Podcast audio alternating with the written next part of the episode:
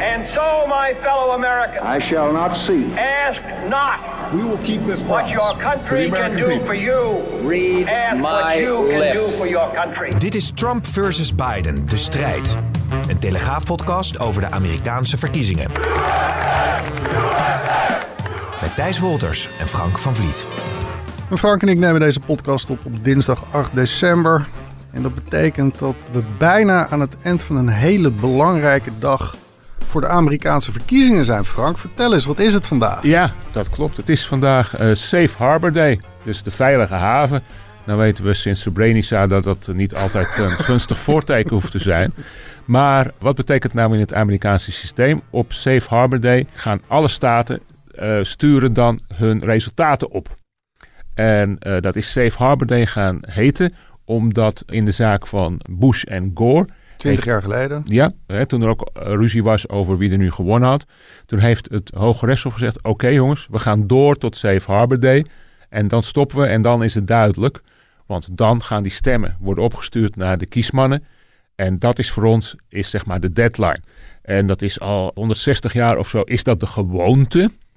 Trump hoeft zich er niets van aan te trekken, omdat het nou weer niet expliciet in de grondwet staat. Maar ja, het is natuurlijk omdat toen het Hoge Rechtshof dat heeft besloten, is het toch wel een casus eigenlijk. Dat je zegt van ja, dat is misschien toch wel even lastig om daar nog weer overheen te gaan. Kortom, het is weer een stapje verder in eh, het proces. En eh, de volgende stapje is natuurlijk maandag. Want dan gaan de kiesmannen er zich over buigen.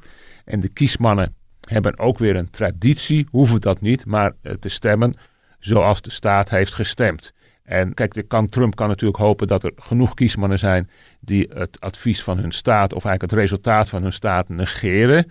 Dat gebeurt wel eens, maar dat gebeurt eigenlijk nooit op grote schaal. Dus één of twee. En Ja, precies. Die unfaithful electors, zoals Ja. ze dat dan noemen, inderdaad. Dat, dat, dat zijn eigenlijk uitzonderingen op, op, op een hele strenge regel, toch? ja, dat klopt. Enkelingen. Dat zullen enkelingen zijn. Dus ook daar zal eh, Trump waarschijnlijk de strijd niet winnen. Nee, want we hebben, als ik het goed heb, inmiddels heeft Biden een voorsprong van 36 kiesmannen. Dus dan zouden er 36 moeten zijn in totaal die, die, die zeggen van ik, ik volg niet de verkiezingsuitslag in mijn staat, maar ik kies voor Trump. Ja, en dan moet je natuurlijk wel heel sterk in je schoenen staan om dat te doen. Bovendien eh, zijn die kiesmannen, dat is ook eigenlijk een, is een soort erebaan. Hè? De kiesmannen zijn partijleden van, die zich heel gerespecteerd zijn binnen de partij. Rechters, eh, politici met een lange dienst. Ik begrijp dat Hillary Clinton, misschien eh, niet een goed voorbeeld voor de Trump-aanhangers, maar die is een van de kiesmannen voor de staat New York. Ja. Maar ik bedoel, dat soort types die al lang, langer meelopen dan vandaag. En ja, als die zich zeg maar echt autonoom gaan opstellen.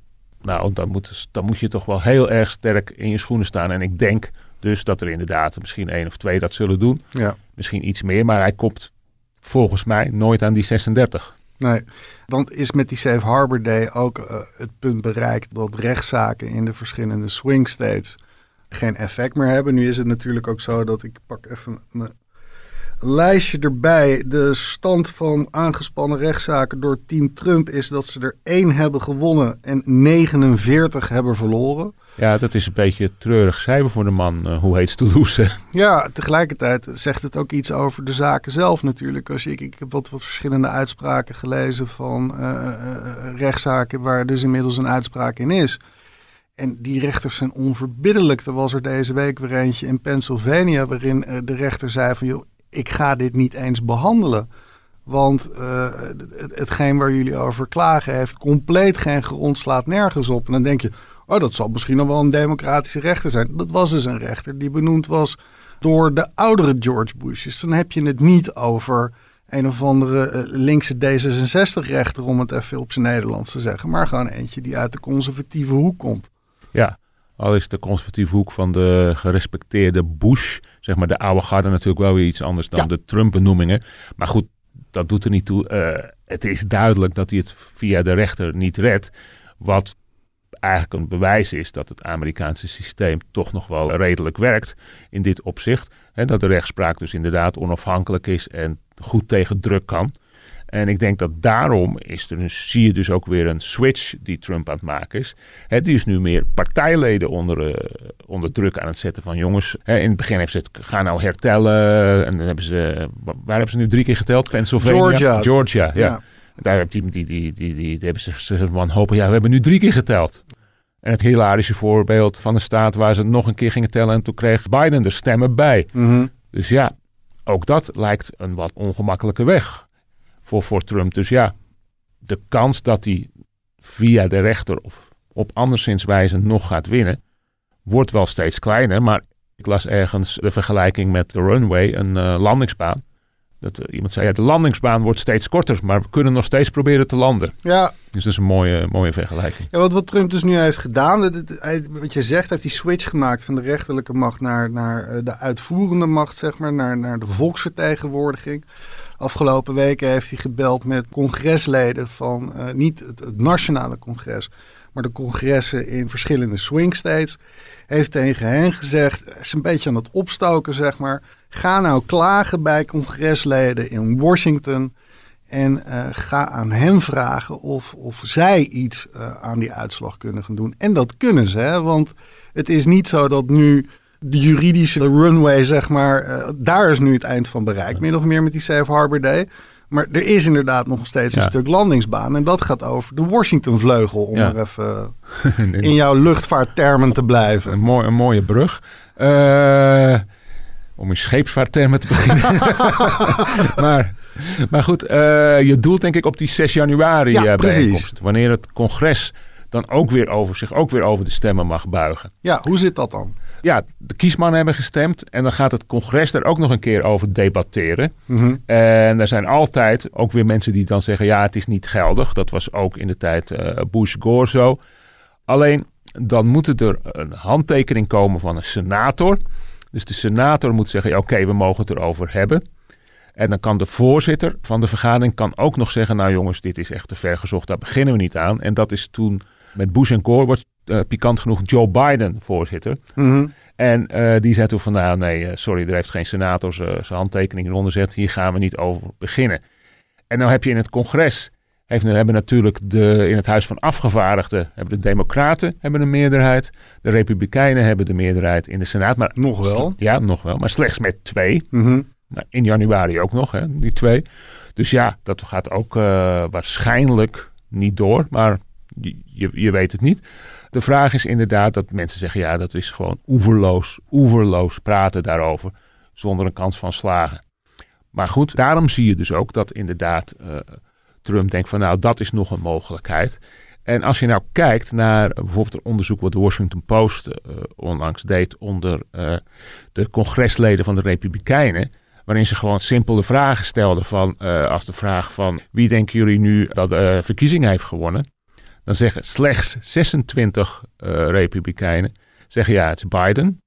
Ook slechts twee zeggen Trump. Mhm. En 221 zeggen unclear, no answer. Dus die zijn gewoon uh, lafbekken die zich niet uit durven spreken. Of Nee. mensen die denken van, hé, hey, ik zie wel hoe de wind waait en waar kan ik het beste van profiteren. En die vragenlijst is hartstikke interessant, want dan zeggen ze bijvoorbeeld, de tweede vraag is, ben je het ermee eens dat eh, Donald Trump de verkiezingsuitslag blijft aanvechten? Dan zijn er acht republikeinen, ook maar heel weinig, die het steunen. Negen die er tegen zijn. En de grote meerderheid dus weer zijn mond niet eh, open te doen. 232. En dan is een, gaat de vraag nog verder. Als eh, Joe Biden nu de meerderheid krijgt in de Electoral College, die kiesmannen waar we het Mhm. over hebben, hè, is hij dan de legitieme president voor jullie? Dan zegt een iets groter aantal 31 ja, eh 2 nee en nog steeds 216 niet. Nee. En dat voedt natuurlijk constant het gevoel, ook bij Trump, van nou, ik kan nog wel wat. Want Ja. hij wordt, er is, zijn maar weinigen in zijn partij die hem durven terug te fluiten. En de anderen kijken gewoon van nou, eens kijken hoe ver we zo komen. Ja. Blijft toch, vind ik, uitzonderlijk dat iemand die vijf jaar geleden nog werd uitgespuugd door die partij, inmiddels zo'n ontzettend ijzeren grip op de Republikeinen heeft gege- gekregen. Dat is toch wel iets opmerkelijks. Als je bijvoorbeeld een van zijn trouwste bondgenoten in de Senaat bekijkt, Lindsey Graham. In een interview in 2015 uh, spuugde die vuur over de kandidatuur van Trump. Dat hij zou de partij kapot gaan maken. Ja. Heeft hij uiteindelijk misschien ook wel een klein beetje gelijk in gekregen. Tegelijkertijd heeft hij zich ook met zijn volle gewicht achter Trump geschaard.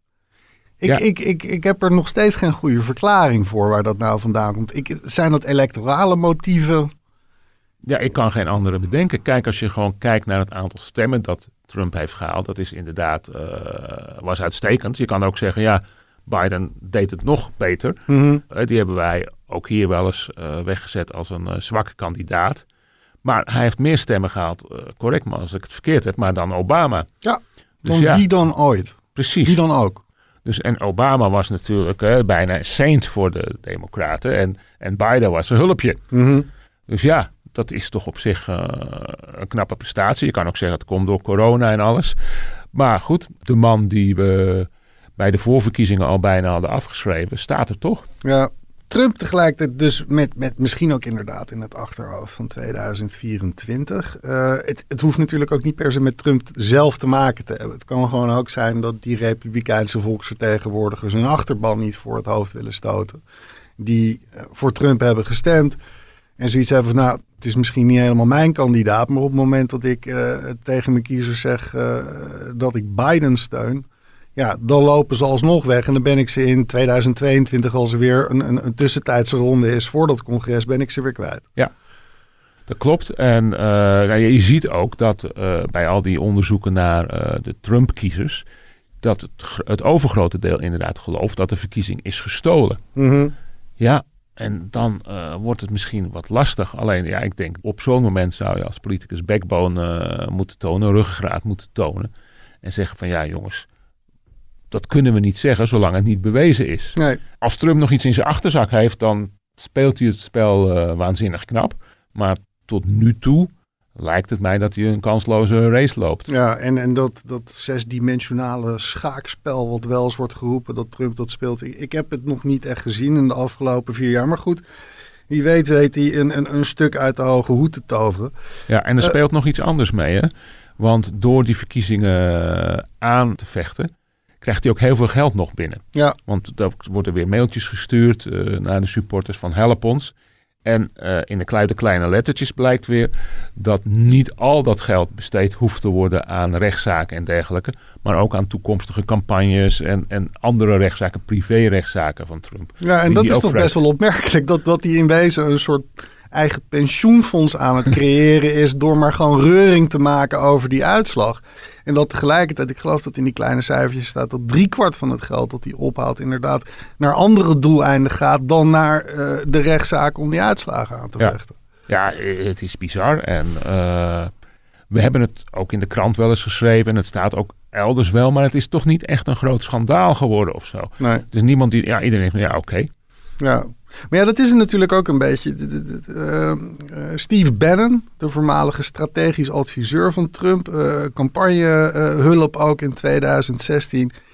Die heeft ooit eens, onze correspondent Jan Posma, die begon daar een paar dagen geleden ook over op Twitter. Ehm, dat is een, een tactiek van Bannon in principe, die dat niet heel netjes eh, flood the zone with shit heeft Ja. genoemd. Dus Ja. Overstelpt de media met zo ontzettend veel ophef en gedoe en verschillende dingen, dat ze door de bomen het bos niet meer zien. En dan kan je inderdaad, doordat er zo ontzettend veel shit is, verdwijnt dit soort, nou ja, ik denk dat als je het vanuit een bepaald punt bekijkt, dat je dat best oplichtingspraktijken mag noemen. Want daar komt het gewoon op neer. Als jij, wat ik zeg, een soort pensioenfonds eh, creëert in naam van het feit dat je zogenaamd verkiezingsuitslagen aanvecht. Ja, het, het verdwijnt compleet onder het tapijt natuurlijk.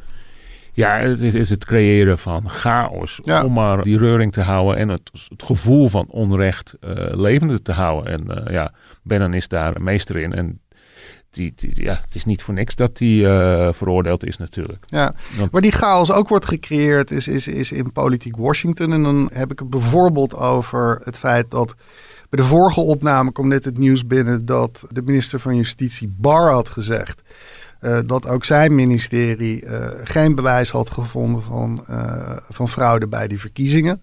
Ja. Sinds die opname heeft dat geleid tot grote onmin tussen Barr en Trump.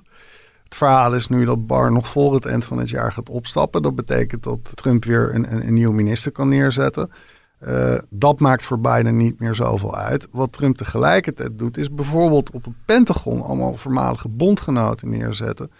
Uh, op plekken waar Biden die wat moeilijker wegkrijgt. Ik zag bijvoorbeeld dat Cory Lewandowski, dat is een voormalige campagnemedewerker en echt een hele trouwe Trump-aanhanger, dat die nu neergezet is in een comité van het Pentagon om bijvoorbeeld uh, contact onder, te onderhouden met defensiebedrijven. Uh, dat is een beetje onderdeel van diezelfde strategie natuurlijk. een, een zo chaotisch mogelijk situatie creëren voor Biden. Zodat hij eigenlijk alleen maar moet gaan hozen in zijn eerste paar maanden. En, en dat hij bijvoorbeeld niet kan toekomen aan wat op dit moment toch echt wel de grootste crisis is in de Verenigde Staten, namelijk corona. Was dat een betoog of een vraag, Thijs? Nee, ik was een bruggetje aan het maken naar het feit dat jij inderdaad, dat we het ook, ja. daar moeten we het nog even over hebben, nee, corona. Precies. Nou, ja, we gaan eerst even die bar. Ja. Dat is natuurlijk een interessant geval het was een ontzettend trouwe aanhanger van Trump ook. Het, uh, hij oogt ook een beetje als, als een bullebak, weet Mhm. je wel. Echt wel een man die als je hem ziet staan, denk je, oh jee, oh jee. En echt een echte ouderwetse rechter uh, misschien. Misschien doe ik de man onrecht aan, maar goed. Maar ja, die werd toch wel verweten dat hij zich echt voor het karretje liet spannen. En dat hij soms met het recht een loopje nam. Of laten we zeggen, vrij interpreteerde ten gunste van de Republikeinen of ten gunste van Trump.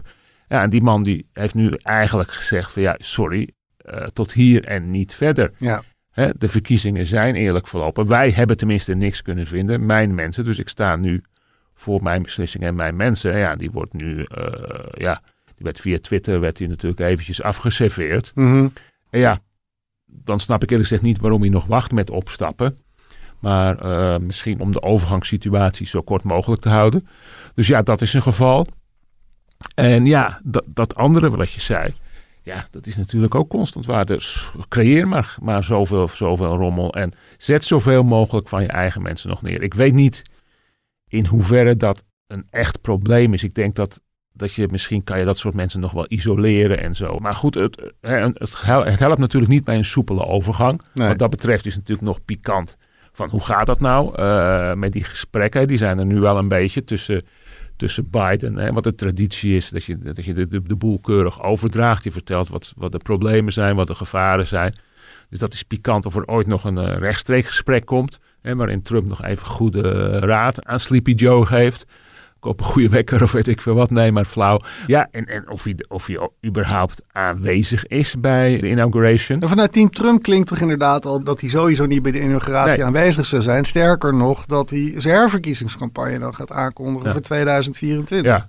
En Biden heeft gezegd, nou, ik zou het wel zeer op prijs stellen. Of in ieder geval eh, van waarde vinden als hij daar komt. Mhm. Om ja, het, het gezicht van de democratie te redden. ja. Van, ja, want in feite erken je daarmee toch, toch echt wel je verlies als je daar staat.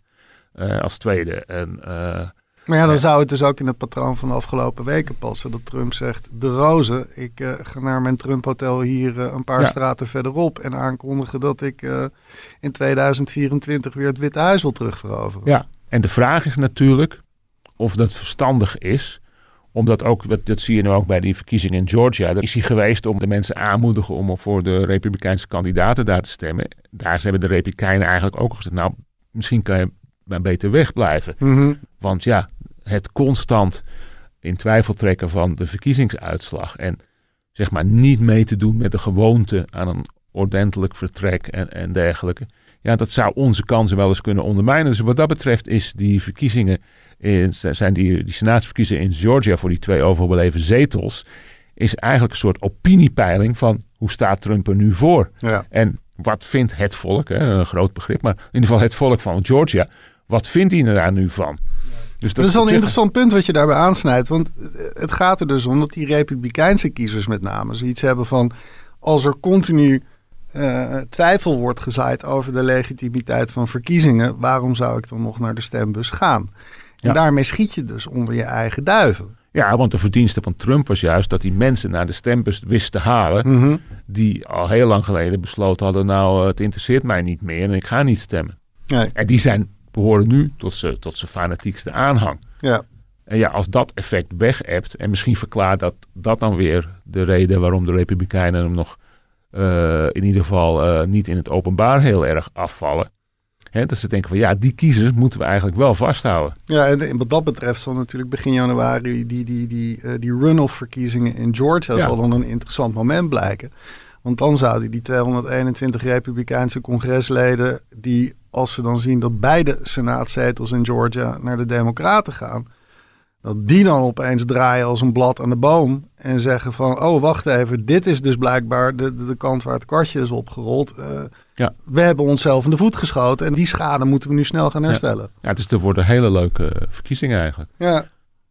Laten we het nog kort even hebben, want je zou bijna vergeten dat er, uh, nou ja, daar lijkt het inmiddels toch wel heel sterk op, uh, eind januari een, een nieuwe bewoner in het Witte Huis zit.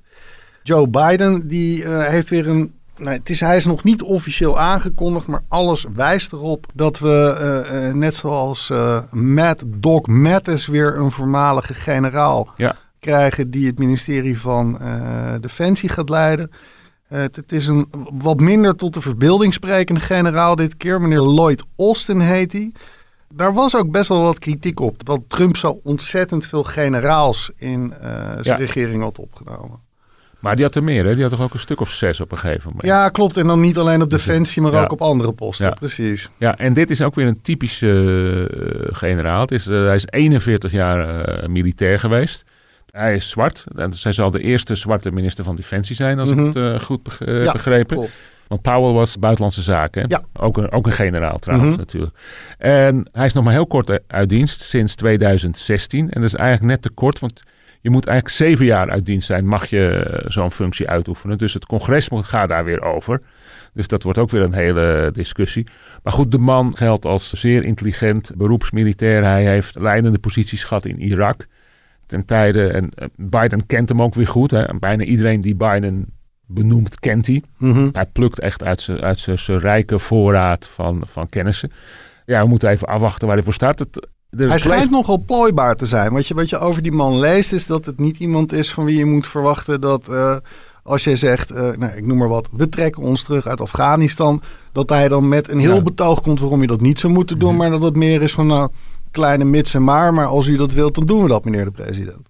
Ja, dat zou kunnen. Dat weet ik eerlijk gezegd niet. Wat ik wel weet is dat hij enigszins omstreden is... omdat hij ook veel steun gaf aan, uh, het aan de aanvallen met drones, waar uh, Barack Obama nou heel erg een handje van had. Hè, die, uh, President Drone Obama. Ja, en die natuurlijk qua mensenrechten ook niet, die aanvallen zijn qua mensenrechten ook niet altijd heel erg schoon, omdat je natuurlijk altijd ook, bur of niet altijd, maar heel vaak ook burgerslachtoffers trekt. Mhm. Dus daar was hij nogal soepel in.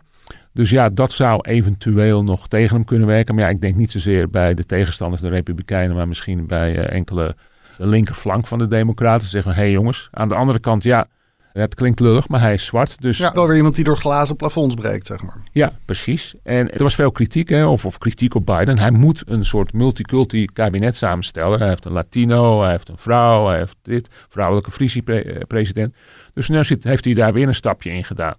Dus ja, het is wel meer een kabinet van het moderne Amerika. Ik bedoel, ik kan mij een foto herinneren van Trump, die het toen over uh, abortus ging. Ik weet niet of je die foto is, een iconische Ja, foto. Allemaal witte zaten mannen. het allemaal witte, redelijk bejaarde mannen om een tafel over abortus te redeneren. Dus Ja. ja, dat, dat zal nu misschien eh, wat minder vaak voorkomen. Dus eh, wat dat betreft. Maar ja, we moeten eerst maar even zien of hij aangenomen wordt. Maar goed, lijkt mij wel. Ook, ook die Mad Dog eh, werd ook aangenomen. En daar was ook wel het een en ander op aan te... Klopt, en, en die was bovendien ook nog niet zeven jaar uit dienst. Dus dat, dat Ja. hoeft inderdaad geen beletsel te zijn. Ehm, ondertussen gaat dus de strijd gewoon nog door. De Ja. podcast gaat nog door. We gaan nu eh, na Safe Harbor Day op naar het college van kiesmannen. En eh, kort daarna zullen wij, eh, denk ik, wel weer eens even een nieuwe opname doen. Want eh, Ja, never a dull moment in Washington. Nee, kijk wat voor verrassing er nu weer opduikt. Wil je meer podcasts luisteren? Probeer dan ook eens Kwestie van Centen. De financiële podcast van De Telegraaf. Waar moet je als ondernemer nou op koersen? Je krijgt van het kabinet de opdracht, pas je maar aan. Nou, waar, waar, waaraan dan precies? Dat nieuwe normaal, dat bestaat eigenlijk helemaal niet. We zijn onderweg naar een oud normaal. En wellicht dat dat volgend jaar zomer al ongeveer gaat beginnen. Met de scherpe analyses van Martin Visser, ons zonnetje in huis. Het nieuwe normaal is natuurlijk uiteindelijk een verneukeratief frame. Het is net als de intelligente lockdown vind ik het eigenlijk pure bullshit. Dit is niet normaal.